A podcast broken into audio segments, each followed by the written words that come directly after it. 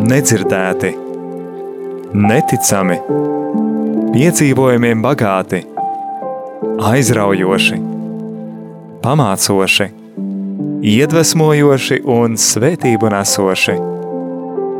Tādi ir cilvēku dzīves stāsti.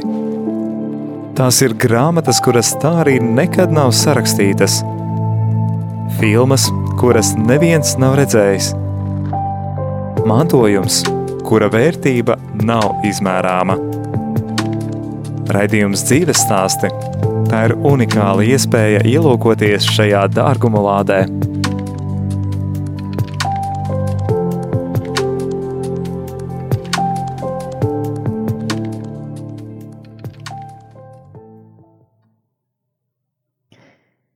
Esiet sveicināti, darbie radioklausītāji! Atkal raidījums dzīves stāsti, un šeit pie mikrofona es Jolanta Grāvīte. Šodien ielūkosimies vēl kādā dzīves stāstā, dārguma lādē, kuru mums šodien atklās. Radījuma arī brīvprātīgais gribētos tā teikt. Pirmām kārtām jau mēs viņu tā pazīstam, bet arī plašākai, pazīst, plašākai pasaulē laikam vairāk pazīstams kā dziedātājs un dziesmu autors, ģitārists, komponists un grupas baložu pilni pagalmi līderis. Uh, Māris Švents. Labdien! Seks. Labdien!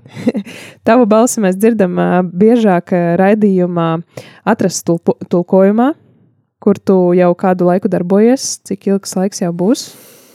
Tā, kad Judīt mūs pamet, ir jau Gadi divi, laikam, būs. Gadi, šitā ir otrā sezona noteikti. Mm -hmm. Nu jā, pametusi viņa vēl mūs tā īsti fiziski ir, bet garīgi nē. Cerams, ka arī šobrīd klausās. Bet pateicoties viņai, tad tu esi mums arī biežāk regulāri ēterā. Vēl arī, protams, atceramies, ka tu biji kā brīvprātīgais mums arī vakaros kā sastādīt tādu muzikālo fonu e, rožu kronim. Bija tāda laika, vai ne? Jā, jā Anna un Līga skaitīja rožu kronus, un es tur fonā trinkšanai ģitārīti. Nu, redz, tad varētu teikt, ka jau ilgadējs rādījumā arī brīvprātīgais tu esi. Un uh, interesants ir arī fakts tas, ka gatavojoties šim raidījumam, nedaudz pameklēju, atradu, ka tu esi autors vairāk nekā 300 dziesmām. Tā ir? Varētu būt, jā. Esi saskaitījis? Nē, ir citi skaitījuši, dažs labs ir aizskaitījies līdz 700. 700? Bet, jā, nu, tā, tā, tas ir fake news. Jo es pēc tam, kad es izdzirdēju tos ciprus 700, 600, es mēģināju saskaitīt pats, un man liekas, ka ierakstītas, fiziski ierakstītas dažādos laikos ir kādas 200. Bet vēl varētu būt kāds simtiņš, kas nu, ir turpatās līdz ierakstam kaut kur priekšnamā palikušas. Tā kā tas 300 būtu laikam tīri pareizi. Nu, redz, varbūt tas uh, cipars būtu tāds, uh, nu, varbūt arī sasniegs 200, uh, jo mazāk, uh, ne, 700. 300, 700. 700. Nu, Dievs vien zina, laikam. Zina. Uh, bet uh, tāds mazāk zināms fakts var būt, uh, ka tu esi ne tikai dziesmu autors, bet arī esi atcerējis melodiju, ko mēs, Radio Marija, dzirdam katras stundas sākumā.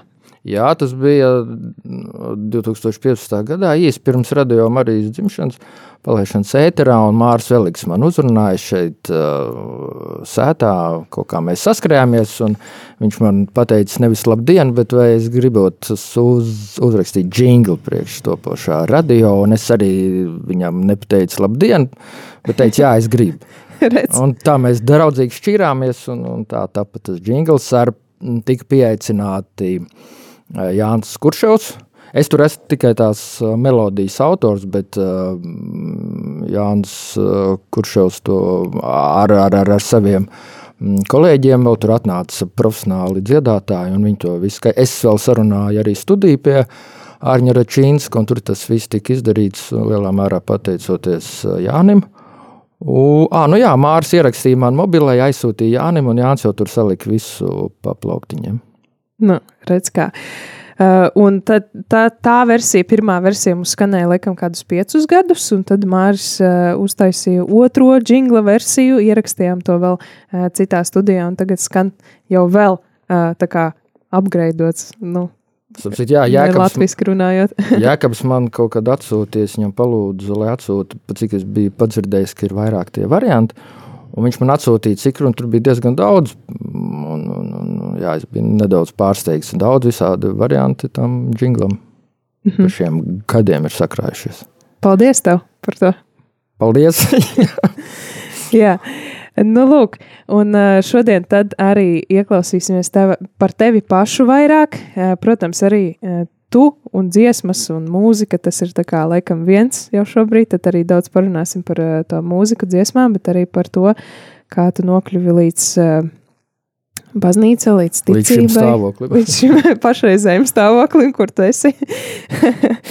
nu jā, tad, tad laikam jau jāsāk arī ar visu pēc kārtas, bet atgādināšu, ka šodien, 15. martā, Radio Marija, mēs esam tiešraidē. Tā kā, ja tu klausītāji esi gatavs iesaistīties ar kādu jautājumu, ko tu vēlies varbūt uzdot Mārim, vai arī, jā, kādu savu pieredzi stāstu, varbūt kādreiz esi saticis, bijis kādā koncertā, vai tev ir kas uzrunājis, tad arī priecāsimies, ja atvainojies, priecāsimies, ja padalīsies un iesaistīsies mūsu raidījuma tapšanā. Tad atgādinu, ka tālrunis studijā ir 266 77 272.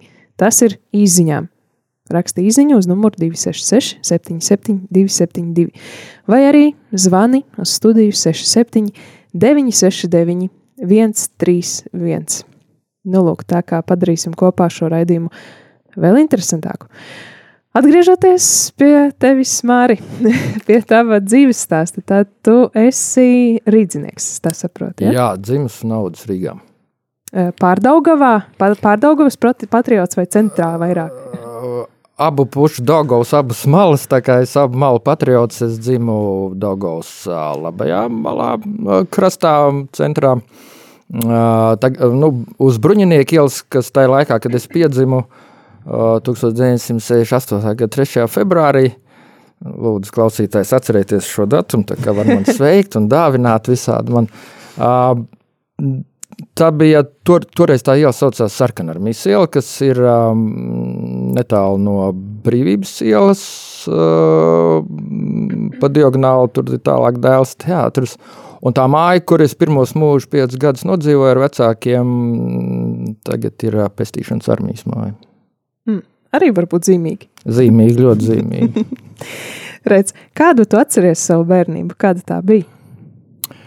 Uh, centrs. Es vēl tagad staigājot pa pilsētu, man atstāja uz maniem kaut kādu lielu iespaidu tās vecās sēdes.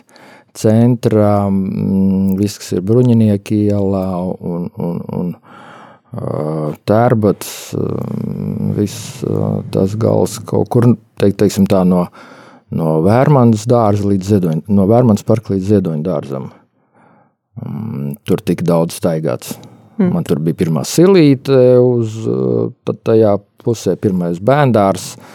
Pirmais bērndārs bija, kur um, vernisāža ir tagad. Uh, Un, un, un tur es vienreiz biju uzkāpis uz to, uz to tā, tajā parkā lauvas, un vienam lauvam es biju uzkāpis virsū un netika lejā. Un tas šķiet, ka ir šausmīgi liels augstums. Mm. Ja kāds zina, cik tās lauvas ir augstas, tā kā var iedomāties, cik tas toreiz bija liels. Gribas jokot, ka izskatās, ka tomēr tik lejā, ja jau es jā, šeit. jā, nu ar maziņu, ar maziņu kritienu, tur bija tāds kā lēciens iz, izmisīgs un, nu, tik, jā, nu kaut kāds traumas ir gūts, tā kā to var just vēl joprojām mm -hmm. lecot, tik gūts. Tu esi vienīgais bērns ģimenē? Jā, vai? jā vienīgais. Mm -hmm. Vecāki man abi Tēvs ir no, starp citu, nav gluži no tās uh, vietas, kas tev ir dzimtā vieta, bet nu, arī kaut kāda sēlīja, tas ir um, sēlīs Latgals uh, vidzems tāds, um, tāda robeža vieta, netālu, kur Aivieks tietek Doguvā ir Kriociems. Un viņš tur ir dzims lauku mājas krūmēni. Mm, un, un, un, bet arī pēc vidusskolas uh, iestājās augstskolā un, un, un palika Rīgā. Visu mūžu strādāja kā fiskultūras skolotājs dažādās skolās, un vasarās bija pionieru nometnes vadītājs Melošos. Māma no Kuldīgas, māma dzimusi Kuldīdzniec.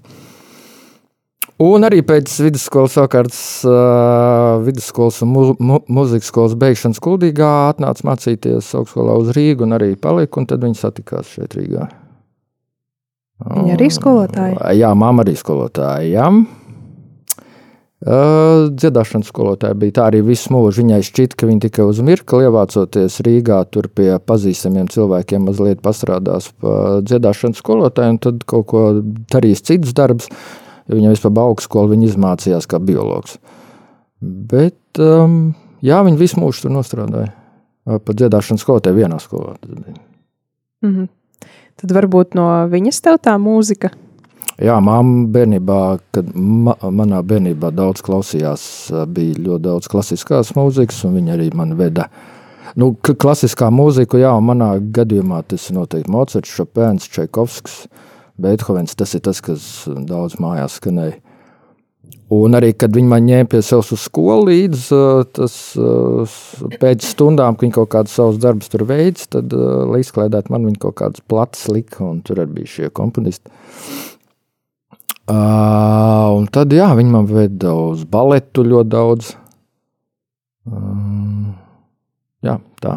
Tur arī pats mācījies mūzikas skolā? Nē, es nemācījos vispār. Es biju no tiem, kas nemācās. Mm.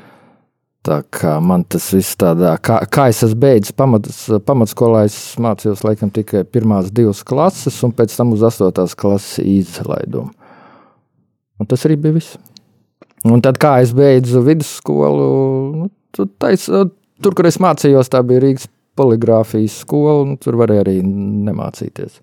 Mhm. Tā kā tā tur da, lielākai daļai no mums ļāva beigt.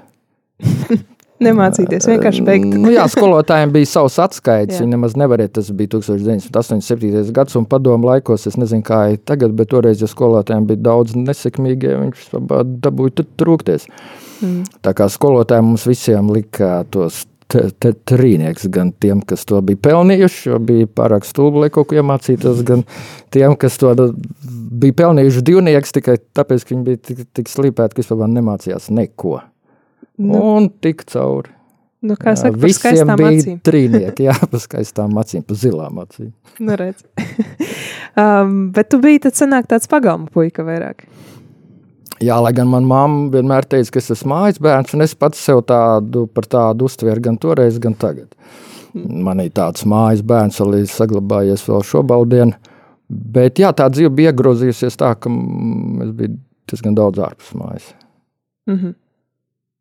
Bet uh, kā tu nonāci līdz, tā, tā, tu saki, pabeidz vidusskolu 87. gadā. Kad tu sāki darboties uh, pats mūzikā, kā tu saprati, ka tu gribi uh, Eh, rakstīt dziesmas vai sacerēt, vai tas bija tāds viens mirklis, vai kā tas notika?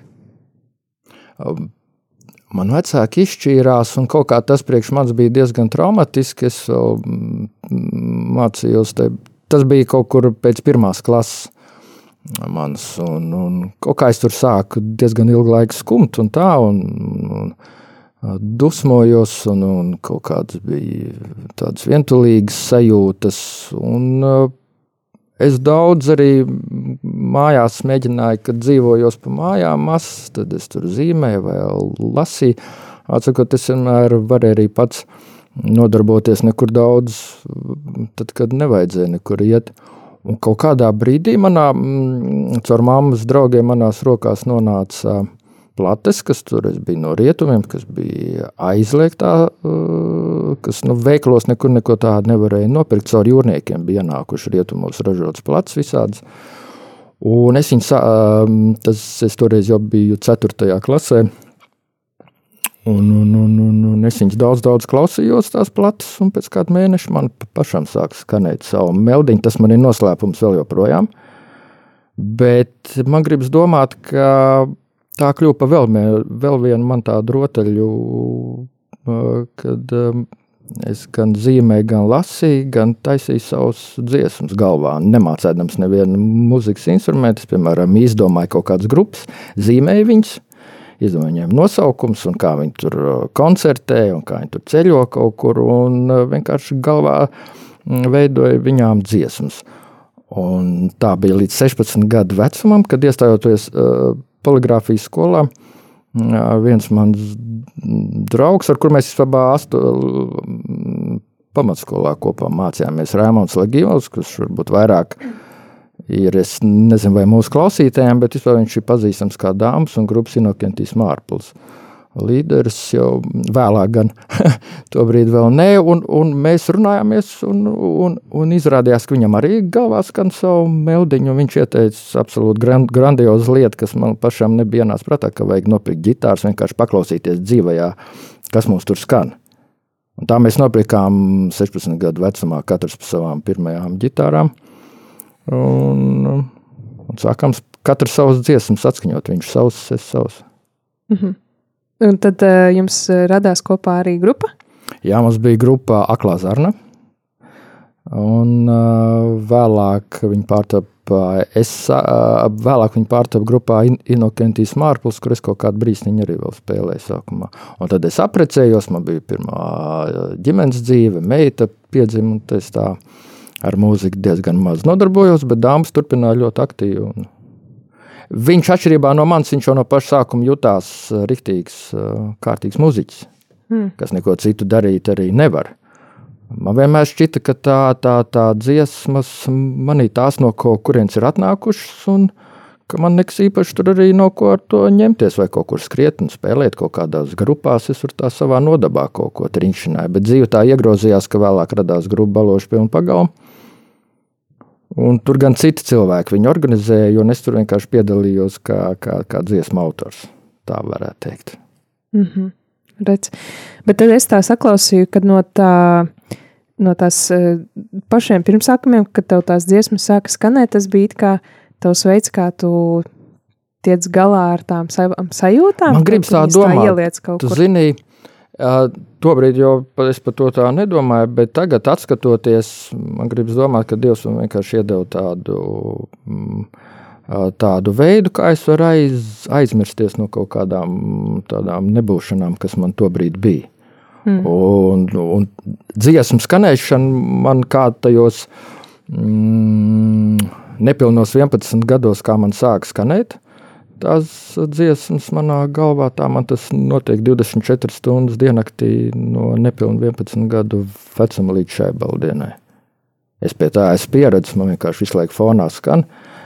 Es reizēm es pieslēdzos tam, un, un tad es varu izveidot kādu dziesmu. Ja nē, tad tur kā blakus istabā kaut kāds troksnis būtu. Un kāpēc tas tā ir? Man gribas domāt, ka, ka nu, Dievs tā bija gribējis, lai man tur skan. Tāda dāvana. Dāvana, dāvana jā, noteikti dāvana, protams. Jā, es tev pašam arī pirms raidījuma lūdzu izvēlēties kādas dziesmas, kuras tu vēlētos arī atskaņot, dzirdēt šajā raidījumā. Un tu izvēlējies trīs uh, dziesmas, Pirmā no tām eh, bija Margaritas Vilcānas eh, dziesma Baltā saule. Balta saule, jā, Raimonda Paula Margaritas Vilcānas izpildījumā. Tā ir vispār pirmā dziesma, pat ne māmu šūpuļu dziesmas vai kāds cits skaņdarbi. Tā ir pirmā dziesma, ko es atceros uh, savā mūžā. Mm. Mēs komunālā dzīvoklī, tajā bruņinieka sarkanarmijas ielā, es kaut ko tur steberēju, masu vēl kārtīgi nemācēdam staigāt no virtuves uz, uz istabu, un viņa skanēja, un vēl tajā vecumā viņa man fascinēja. Mm. Es vēl pats laikam kārtīgi staigāt vēl nemācēju. Vai mm. tūtam? Tad noklausīsimies. Jā.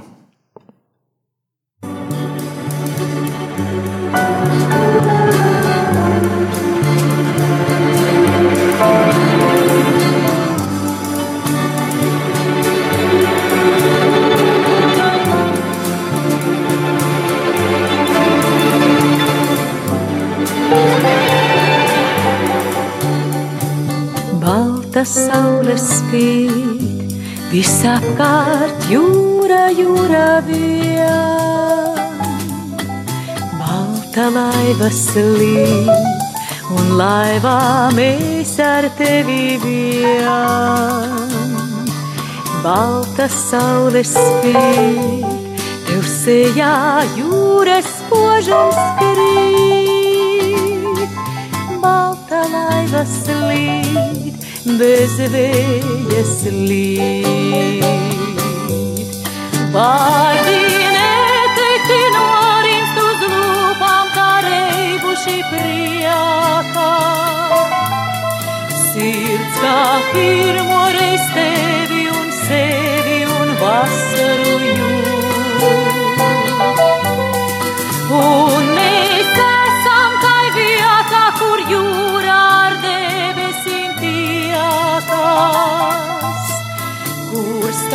mūžībām divām var klusēt un laimīgi.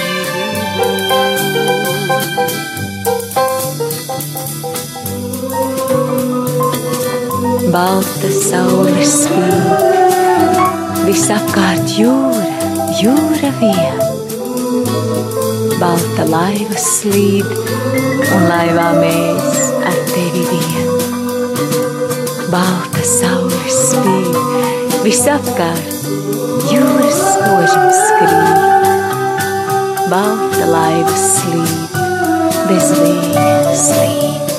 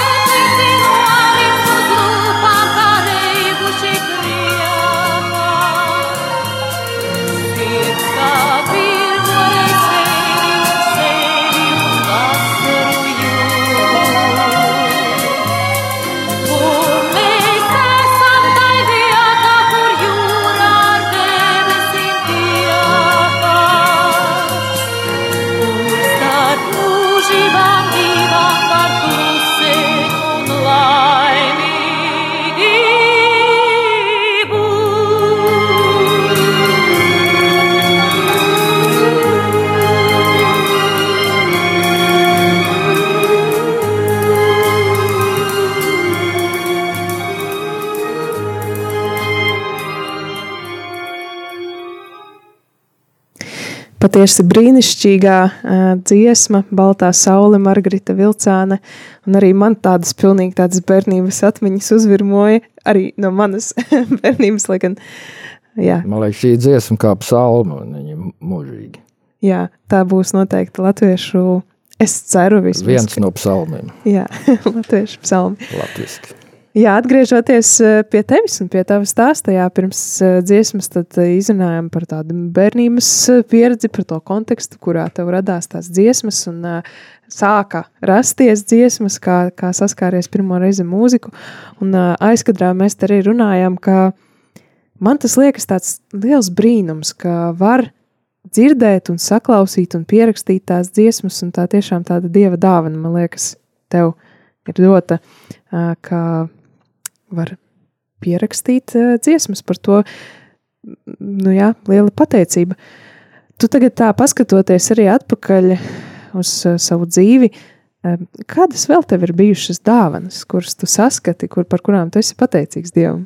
Es esmu zīmētājs, vienmēr bijis starp saviem vienaudžiem labākais vai viens no labākajiem. Starp man pazīstamiem vienaudžiem tas tā nav jāsaprot, ka pa visu pasauli globāli, bet uh, starp kuriem es biju. Un vēsture man vienmēr ir interesējusi. Es, um, kā jau pirmie teicu, es daudz zīmēju, daudz lasīju. Tās bija pārsvarā vēstures grāmatas. Man no vectēva palika mantojumā. Bija Latvijas laikā 20. un 30. gadu mijā izdotas tādas pasaules vēstures. Bija četras grāmatas, no kurām vecākām bija trīs. Pirmās, ceturtā nebija, bet trīs. Un, nu, tās es lasīju, tas man bija bērnībā pasaciņu vietā. Nu, cik tur bija toreiz, kāda informācija uz to brīdi bija? Aleksandrs Grīns to bija sarakstījis. Uh, Tie nav tādi savs fakti, bet viņi varēja lasīt kā aizraujošu romānu. Tomēr rakstnieks ar savu talantu bija to visu sarakstījis. No, no kā tur toreiz cilvēks saprata, kāda ir ā, pasaules pirmsākuma cilvēks, un līdz uh, 20. gadsimta sākumam, līdz tam, kad radās šeit Latvijas valsts. un tā. A, nē, tas bija, nu jā, tas bija 4. grāmatā. Man uh, trešā grāmata beidzās kaut kur ar 19. gadsimta beigām. Un to es lasīju, es zīmēju, visādas kariņas, ceļojumus, tur, un arī kā, un, un, un klausījos sev galvā, taisīju dziesmas. Mm -hmm. Visādas grupas izdomāju. Kā tas, jā, nu šiem, kā, kā redz, man ir vismaz vēl divi talanti. Redz, tevi kā mākslinieku laikam vēl neesam iepazinusi, neesmu redzējis, vai vēl var kaut ko redzēt. Es daudz zaudēju. daudz zaudējis, bet man vēl viss priekšā, es uzskatu. jā, tas, tas bija, jā, man daudz pieaugušie pareģoju, ka es būšu tur zīmētājs, gleznotājs, nu kaut kas tāds. Es zīmēju mājās ar pildspalvu. Mm. Tā es zīmēju. Es ne, man nekur nevarēja dabūt mācīties zīmēšanu. Man sūtīja uz kursiem vi, visādiem, bet es jau skolā nemācījos ārpus skolas nodarbības. Tas vispār man bija kaut kāds nesap, nesaprotam tēma. Tā bija kā katru. Un tā kā es jā, zīmēju savā nodabā mājās. Mm. Zīmēt tevi nevarēja dabūt, bet kas tev ir profesija? Es izmācījos par um, offset iespiedēju poligrāfiķu skolām. Četrus gadus tur uh, skaitījās, ka mēs mācījāmies. Mums praksa notika Presnamā. Presnams bija nesen uzbūvēts, atvērts, un tur mums bija prakse, un pēc tam bija jāstrādā ar tām offset mašīnām. Šobrīd vairs tādas nav, bet toreiz tas bija jaunums. 80. gadu sākumā offset iespēja mašīnas bija kaut kas jauns, tāds novatorisks. Mēs bijām pirmais kurs, kuru gatavoja šīm mašīnām. Tā kā oficiāli pēc dokumentiem skaitos offset iespējas. Bet arī strādāja tajā jomā? Jā, kādu laikam pusgadu pēc skolas beigšanas. Mm. Bet es tur pazaudēju pirksta galu pie tās mašīnas. Viņas bija sliktā kārtībā, un, un, un, un, bet tā kā tā pēc visiem darba drošības noteikumiem uz lielāko daļu no tām mašīnām nevarēja strādāt, bet nu, kāds bija, tāds bija un bija jāuzmanās. Un es vienbrīd biju neuzmanīgs, un man kreisajai rokai vidējām pirkstām falangu norāva. Tā es iepazinos ar Latvijas mik mik mikroķirurģiju Gaļazarā, kas toreiz bija slavena pa visu padomu savienību. Viņi bija numur viens, tā kā es pazinu tos ķirurgus. Hmm. Personīgi iepazinu. Bet tā bez pirksta gala tev tas tomēr netraucēja vēlāk arī turpināt mūziku un spēlēt ģitāru. Jā, viņš, kad uh, liek akordus, tas vidējais pirksts manā gadījumā nav vajadzīgs. Hmm. Protams, viņš ir vajadzīgs, jā, bet es ātri sapratu, ka būtu daudz sliktāk, ja būtu kāds no Tas atkal jāsaka, paldies Dievam, tāds brīnums, ka, nu, ka tas pirks. Jo, mm. ja būtu kāds no mm, atlikušajiem četriem, tad gan būtu problēmas ģitāru spēlēšana. Bet šeit vēl var izdarīt. Es nevaru būt iespējams, es kaut ko tādus klasiskus ģitārus um, spēlēšanu noteikti nevarētu veikt. Ja es ļoti gribētu pēkšņi sākt kaut ko mācīties uz ģitāras, es nevaru vienkārši fiziski kaut kādus akordus tur likt. Bet tas uh, man palīdzēja izdomāt visādus savus akordus. Kā man to ērto roku uz griferu uz, uzlikt, un tad tur visādas skaņas raisījās tādas, kas man pašam radīja interesi, un, un cik es saprotu apkārtējiem arī. Hm. Bet tad pēc šī negadījuma tu vēl atradi tātad iespējas turpināt mūziku, un kā tad tā grupa, tas tie baloži pilni pagalmi, Kā tā radās? Mēs ar uh, Dāmbu un tādu Kasparu Putriņu 94. gada sākumā uzspēlējām. Man bija problēmas ar publisku uzstāšanos, un ir vēl joprojām tas galīgi no manis. Es tur varu galvā kaut ko spēlēt, bet publiski uzstāšanās nu, tas ir ne, nu, neiespējami. Bet tad es biju kaut ko, man bija arī alkohola problēmas liels, un pēc kaut kur es mājās sēdēju paģirāņas, depresīvs un nespējīgs nekam pretoties, un dāmas pieznīs, saka, tā uztaisīsim koncertu. Mēs putriņš Kaspars pie bungām, mēs pie basģitārs, un tavs dziesmas uztaisīsim, kāds 6, 7, tur viens festivāliņš būs. Un, un, un, Un man vairs nebija, es jutos tik nogurs, tik uh, vientuļš un depresīvs, ka man nebija spēka atteikt, jo pirms tam es vienmēr biju brašs tam lielākoties pretojies tieši pub, pub, publiskiem koncertiem. Kaut kur pa mājām mēs tur ik pa laikam spēlējam, bet tā, ka uzkāpt uz skatuves, tas nebija iespējams.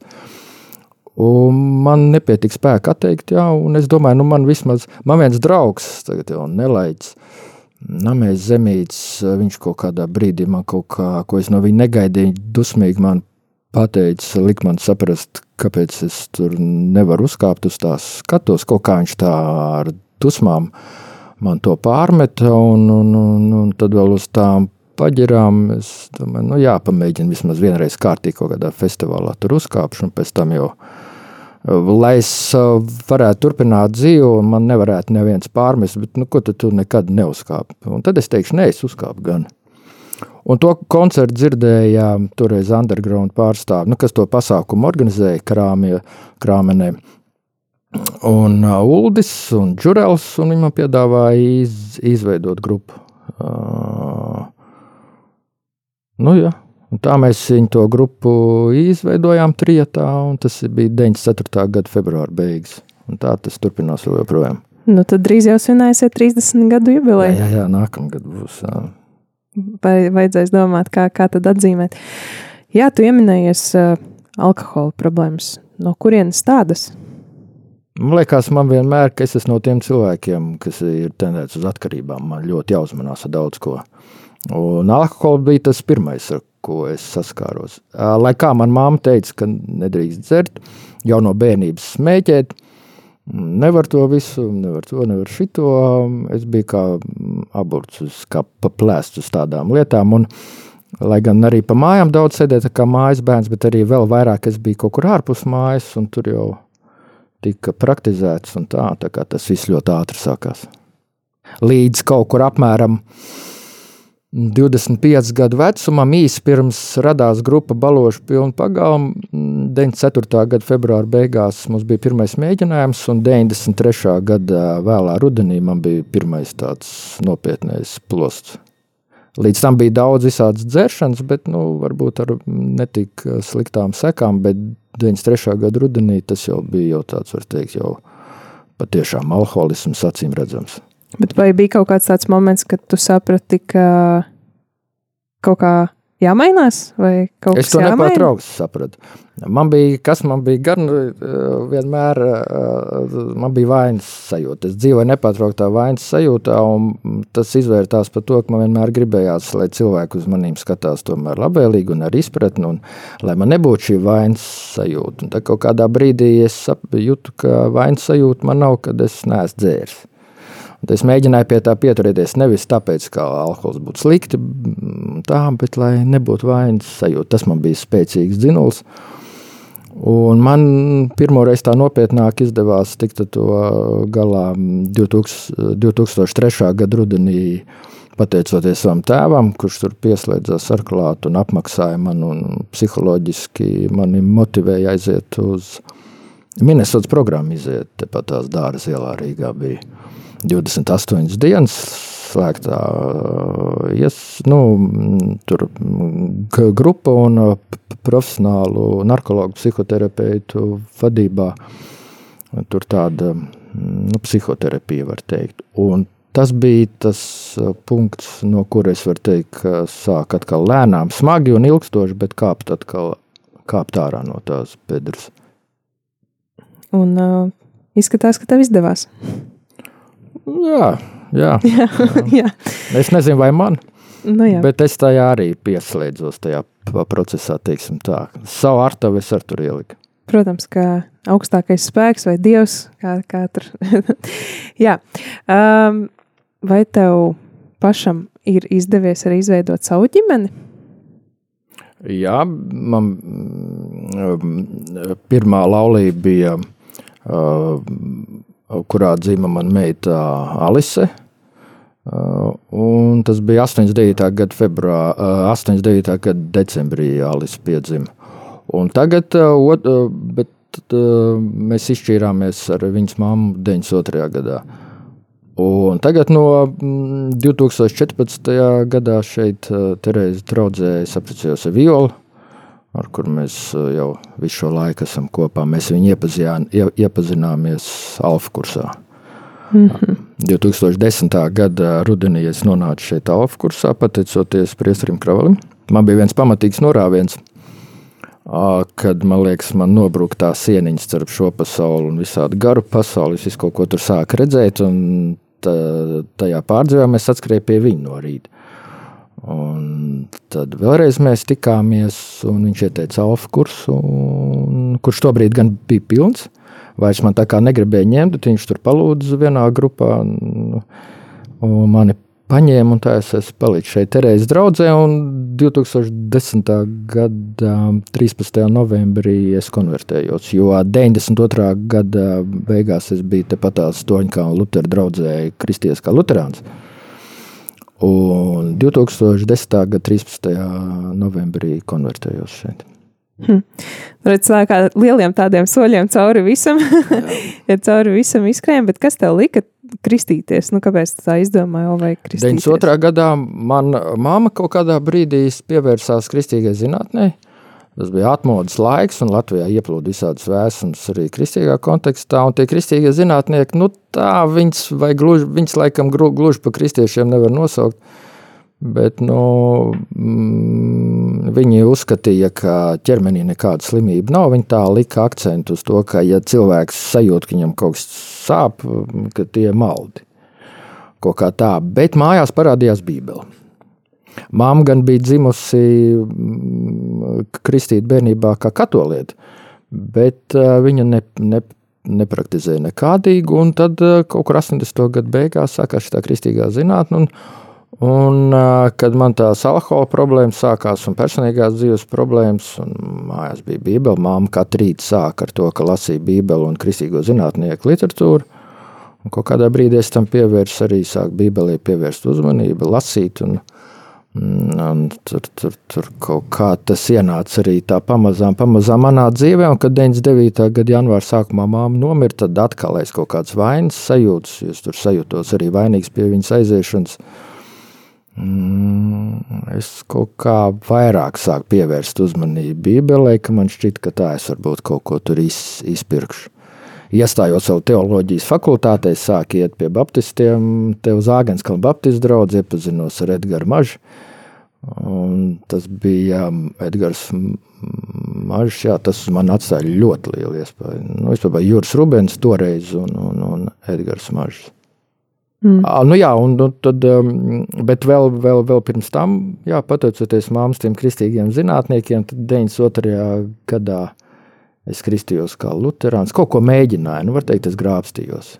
Mm -hmm. Grābstījos, kas bija diezgan nenopietni, bet es kaut ko centos, kaut kā savest savu dzīvi kārtībā, diezgan haotiski, un, un, un pēc tam atkal krīt atpakaļ, un atkal kaut ko grābstījos, un tā gadiem. Mm -hmm. Bet eh, tā otrā reize, kad tu nonāci Elfa kursā, ar ko tā reize bija tā citādāka? Kāpēc tu, nu, kas tev uzrunāja, kāpēc tu paliki un turpināji iet to Elfa kursu? Nu, es nonācu pirmo reizi 2010. Eh, gada rudens alfā. Un tad vienkārši aicināja mūs, tie, kas bija izgājuši tās ausis, nu, būt tur kā, kā, kā, kā kalpotāji. Mm -hmm.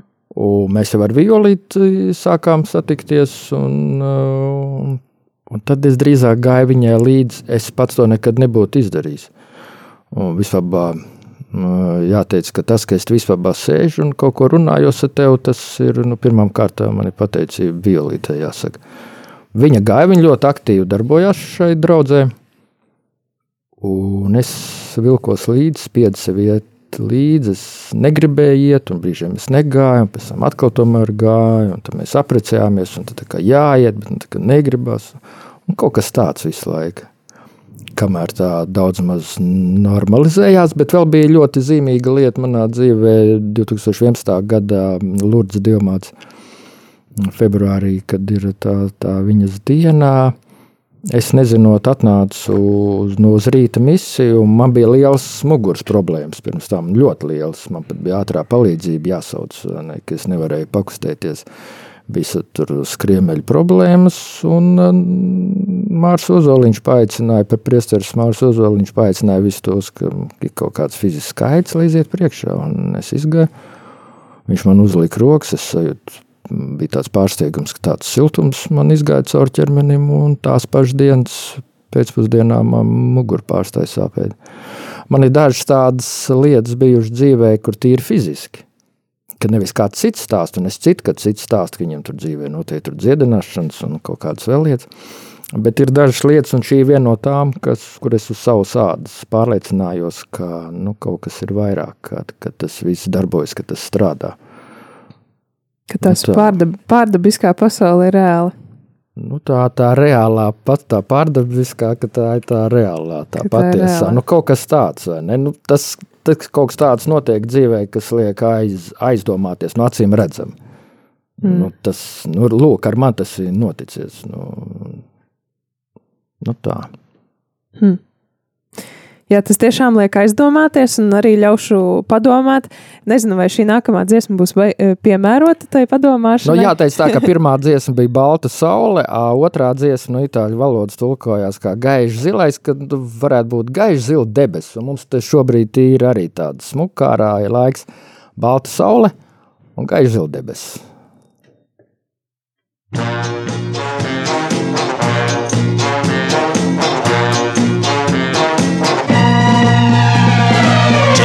L'estate tutto l'anno e all'improvviso eccola qua.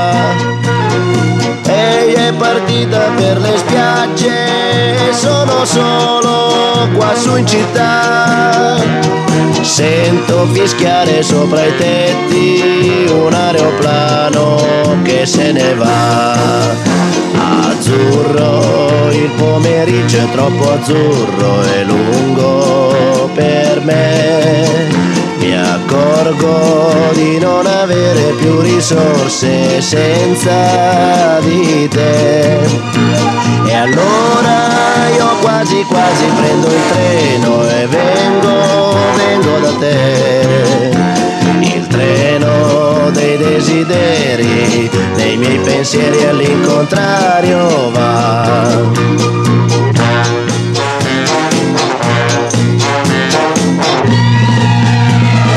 Sembra quando ero all'oratorio con tanto sole tanti anni fa. Quelle domeniche da solo in un cortile a passeggiare. Ora mi annoio più di allora, neanche un prete per chiacchierare. Azzurro, il pomeriggio è troppo azzurro e lungo me. Mi accorgo di non avere più risorse senza di te. E allora io quasi quasi prendo il treno e vengo, vengo da te. Il treno dei desideri, dei miei pensieri all'incontrario va.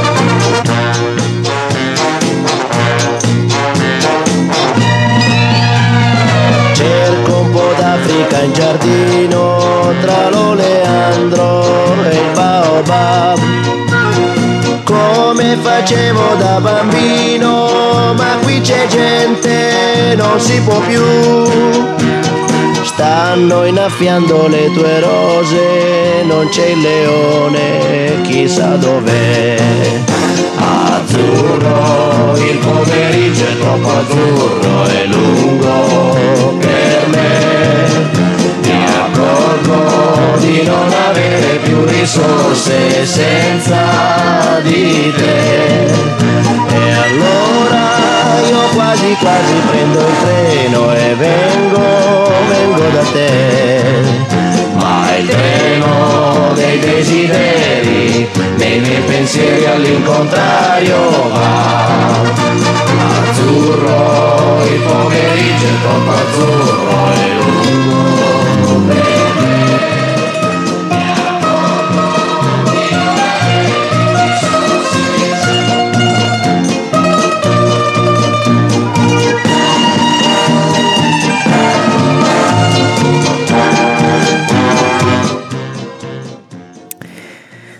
un tā arī izskan Māra Švarna izvēlētā dziesma itāļu Ja valodā. kāds atcerās, Adriano Čelentāno bija tāds dziesma no tālā 1968. gada, kad arī es piedzimu un saucās Azuro, kas tulkojas kā gaišs zilais, gaišs zila debesis, teiksim tā.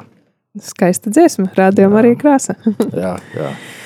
Jā, nu tad uh, īsos, eh, mazos, lielos vilcienos esam izgājuši cauri Veselam tavam, mūžam.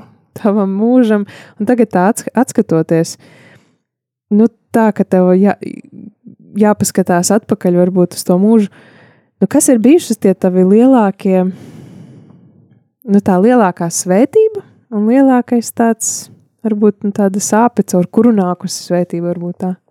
Man lielākā svētība viennozīmīgi ir man vecāki man tuvinieki, man tuvie cilvēki, draugi, sieva, meita, un, un, un man sāp lielākā ir tas, kas viņam es darīju sāpi.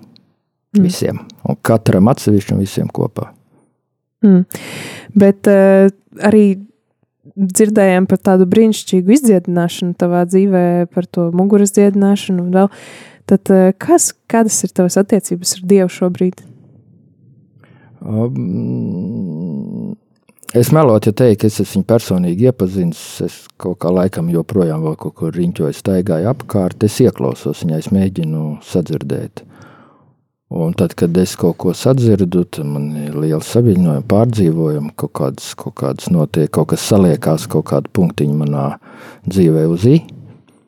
Mm, tas ir ļoti liels notikums um, manā dzīvē. Mm. Bet eh, kā tu viņā ieklausies, tā ir kaut kāda lūkšana, kāds veids, kas tev ir tāds lūkšanais tuvāks vai kas Arī, ir tas veids, mazāk, kā tu ieklausies?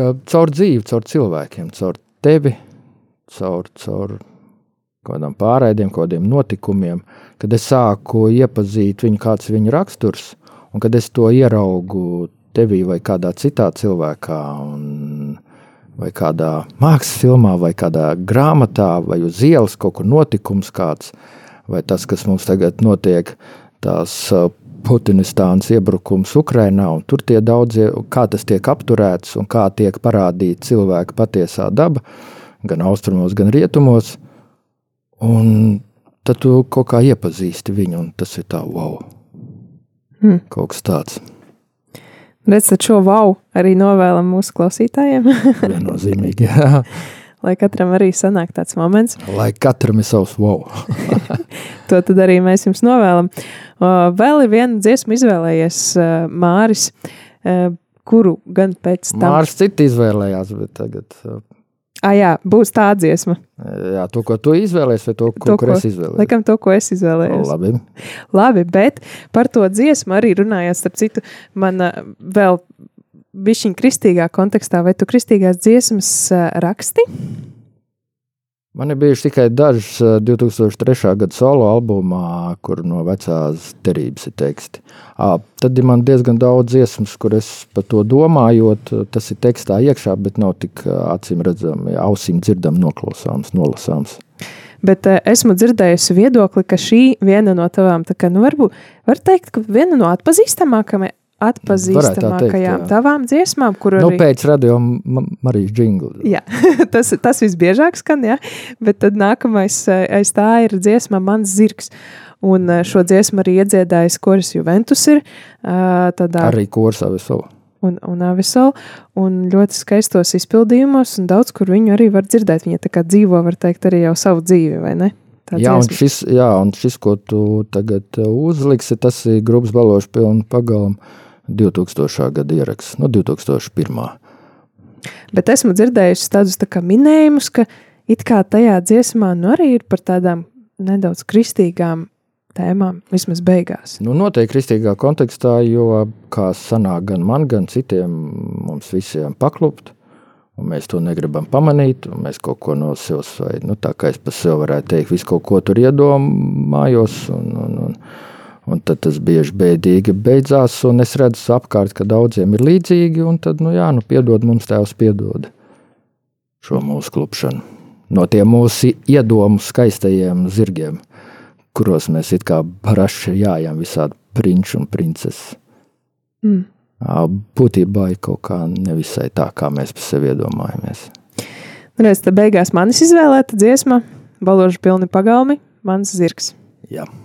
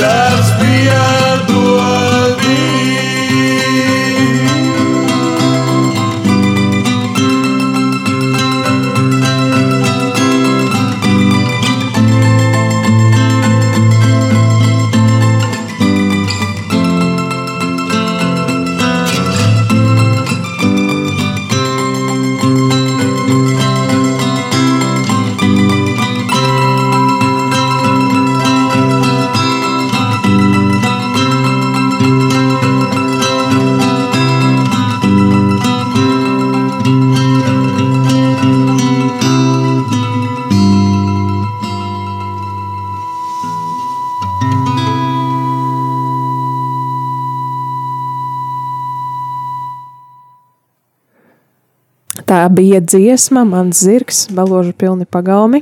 Jā, un Mārcis Švents, dziesmas autors, šeit pie mums rādījām arī studijā joprojām. Jā. Un uh, vēl noslēgumā gribējām atgādināt par to iespēju, ka alfa kurs, uh, tas, par ko tas pats kurs, tā paš, tās pašas tēmas, tā pati sistēma, kur dzirdējām šajā uh, raidījumā, kas uh, nostrādāja Mārim, uh, kā tādā, nu, laikam, te var teikt, kaut kāda savā ziņā pagrieziena punkts kaut kur. Jā, savā ne? ziņā, jā. Tad uh, tas pats, tā pati iespēja ir arī šobrīd. Jā, šobrīd notiek Terēzes draudzē alfa kurs kārtējais, un, un, un vēl visi tiek laipni aicināti, kam interesē kaut kas, un šajā ziņā uzzināt kaut ko par jēzu, par kristietību, ne tieši katoliskā kontekstā, tradīcijā, bet uh, vispār tie laipni aicināti nākt uz Terēzes draudzes alfa kursu. Tātad Ar trešdienas. steigu, es pat teiktu. Šitā jau varētu būt viena no pēdējām reizēm, kad var pievienoties man tā šķiet, Viena ne? no, jā, jā. Jā, jo mēs pirms kaut kādām divām nedēļām arī runājām uh, arī ar Laini, un tad tā bija laikam pirmā nodarbība, kas bija ievada nodarbība, jā. tad pagājušajā nedēļā bija otrā, un šodien jau ir trešā. Uh, Trešā nodarbība, kuru, uz kuru vēl var paspēt pievienoties, jā atnākt. viennozīmīgi.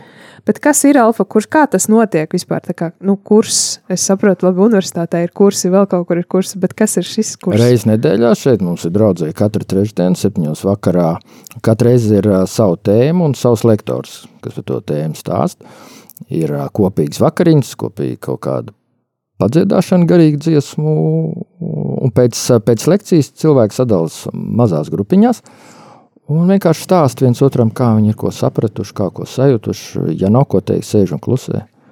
Mhm. Un, un, un tā. Uh, ber- Alfa kurs tas tā, tā, tā ir brīnišķīga vieta. Un, un tas, uh, nu, uz viņiem es, es stipri ieteiktu iet. Jā, tāda nepiespiesta, liekas, ka nepiespiesta gaisotnē. Absolūti nepiespied kurs, jā, nu tas nav nekāds, ka tur kaut kāda eksaminētāja un kaut kādas tēmas, uz kurām tur būs tur jāiemācās, pēc tam jāatstāst, nu, nekas tāds. Laikam tāpēc tev arī ir uzrunāja, ka nav Ka jāmācās. nebija jāmācās, jā, tā kā visi, kuri kas jūt mācību procesu līdzīgi kā es, tas steiguši šeit. Ar steigu, jā. Šovakar tātad pulksten septiņos ir vēl stunda. Var šobrīd tie, kas brauc pie stūras, pagriezt stūri un atbraukt uz, Pagriezt stūri pareizā virzienā. jā, uz Terēzes draudzi. Savukārt mēs jau arī tūlīt atvadāmies no jums, dārgie klausītāji, ir bez piecām minūtēm, bez četrām minūtēm seši. Um, trešdienā, 15. martā, un tūlīt dzirdēs arī svētās misijas tiešraidi. Paldies, visu labu! Visu labu!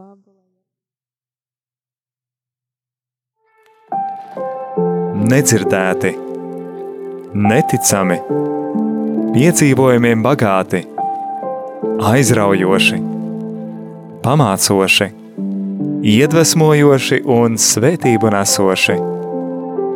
Tādi ir cilvēku dzīves stāsti.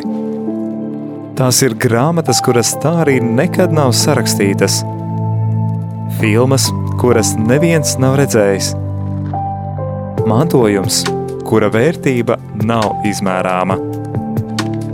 Raidījums dzīves stāsti - tā ir unikāla iespēja ielūkoties šajā dārguma lādē